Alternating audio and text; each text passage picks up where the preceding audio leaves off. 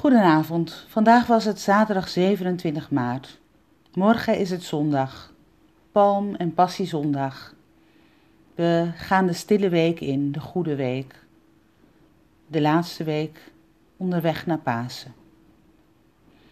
De dagtekst uit de zee komt vandaag uit Isaiah 55. De Heer zegt, zoals regen of sneeuw neerdaalt uit de hemel en daarheen niet terugkeert zonder eerst de aarde te doordrenken en haar te bevruchten. Zo geldt dit ook voor het woord dat voortkomt uit mijn mond. Het keert niet vruchteloos naar mij terug. Vader in de hemel, alleen bij U komen wij tot rust.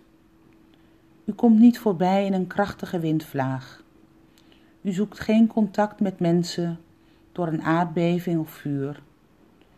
U maakt geen gebruik van kracht en geweld. U komt naar ons toe, in de fluistering van een zachte bries. U zoekt contact door Jezus, die zijn stem niet op de pleinen verhief.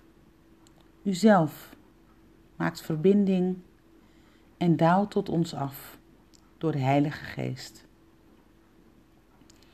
Daarom smeken wij u, Vader, maak ons eenvoudig, stil in het gebed, afgezonderd in uw vrede.